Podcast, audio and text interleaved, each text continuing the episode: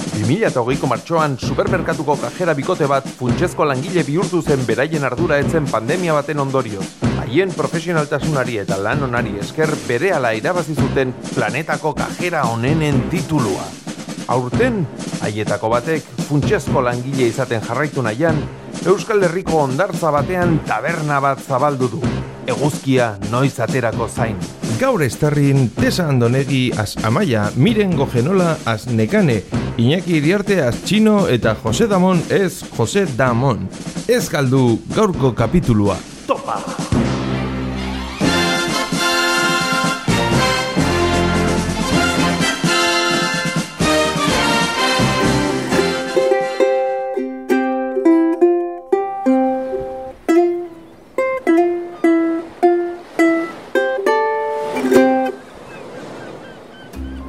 Eta hemen kamarak, ez dute argazkik ateratzen, baina kongelatuta uzten zaituzte.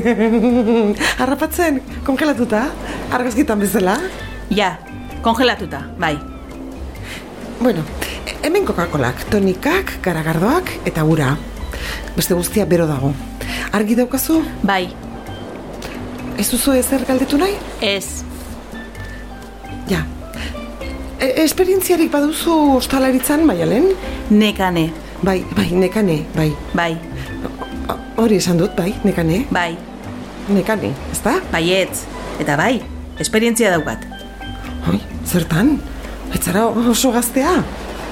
Bueno, egia esan nik ere izan nuen nobio bat zure adinarekin, eta noski... eh, Ostalaritzan, Ah, ah, ah, ah, ba- bai, bai, hori, bai. Eta non? txosnan. Bi ordu egon nintzen eta tipo batek bi zuritorekin lo hartu zuen. Manu, Barkatu?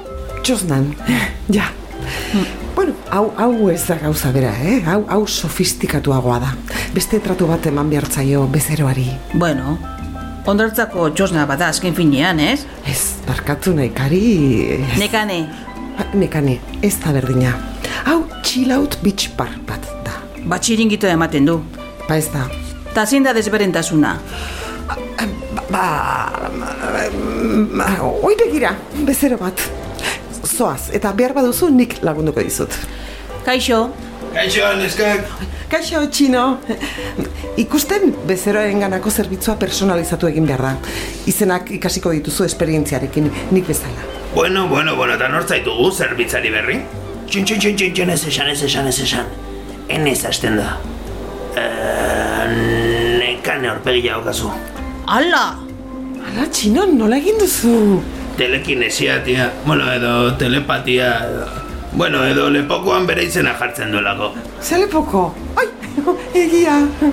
Baina oso letra txikia da. Ez dut ulertzen nola ikusi dezakezun, hain ondo begiak hain itxiak izan da, txino. Nire nobiako paritu zidan. Ah, ah, ah, an, novia. Ah, le, le- lesbiana zara. Ah, Ja, bueno, bueno, lasai, eh? Hem- Hemen oso irekiak eta modernoak gara, eta... Ez, Ez garela irekiak eta modernoak? enaizela lesbiana. Baina zure nobiak oparitu zizula esan duzu? Bueno, bai, sin más. Neska batekin atera nintzen, baina horrek ez nau lesbiana egiten. Hombre, nire garaian... Oh, ba, nire garaian, zez pasatuta zauden, amaia. Ja, pixkat igual. Oso boomer, amaia, oso boomer. Boomer, hori, hori ez da txikle bat.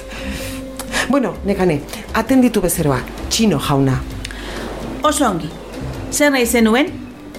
Ebaki bat, mesedez, posible bada, esneotza eta aparrarekin. Segituan. Oso ondo txino. Ezinezko gauza eskatzen, oso ondo. Nola ezinezkoa. Zergatik nire zu gauza errarlak eskatzio. Horrela, gaizki egingo dituelako eta nik irakatsiko diot. Eta horrela gauzak nik nahi dudan moduan egingo ditu. Ah, ja. Eta zergatik ez diozu zuzenian irakasten, puteatu gabe? Bara, ez da berdina, txino, ez da berdina. Hemen duzu kafea, jauna.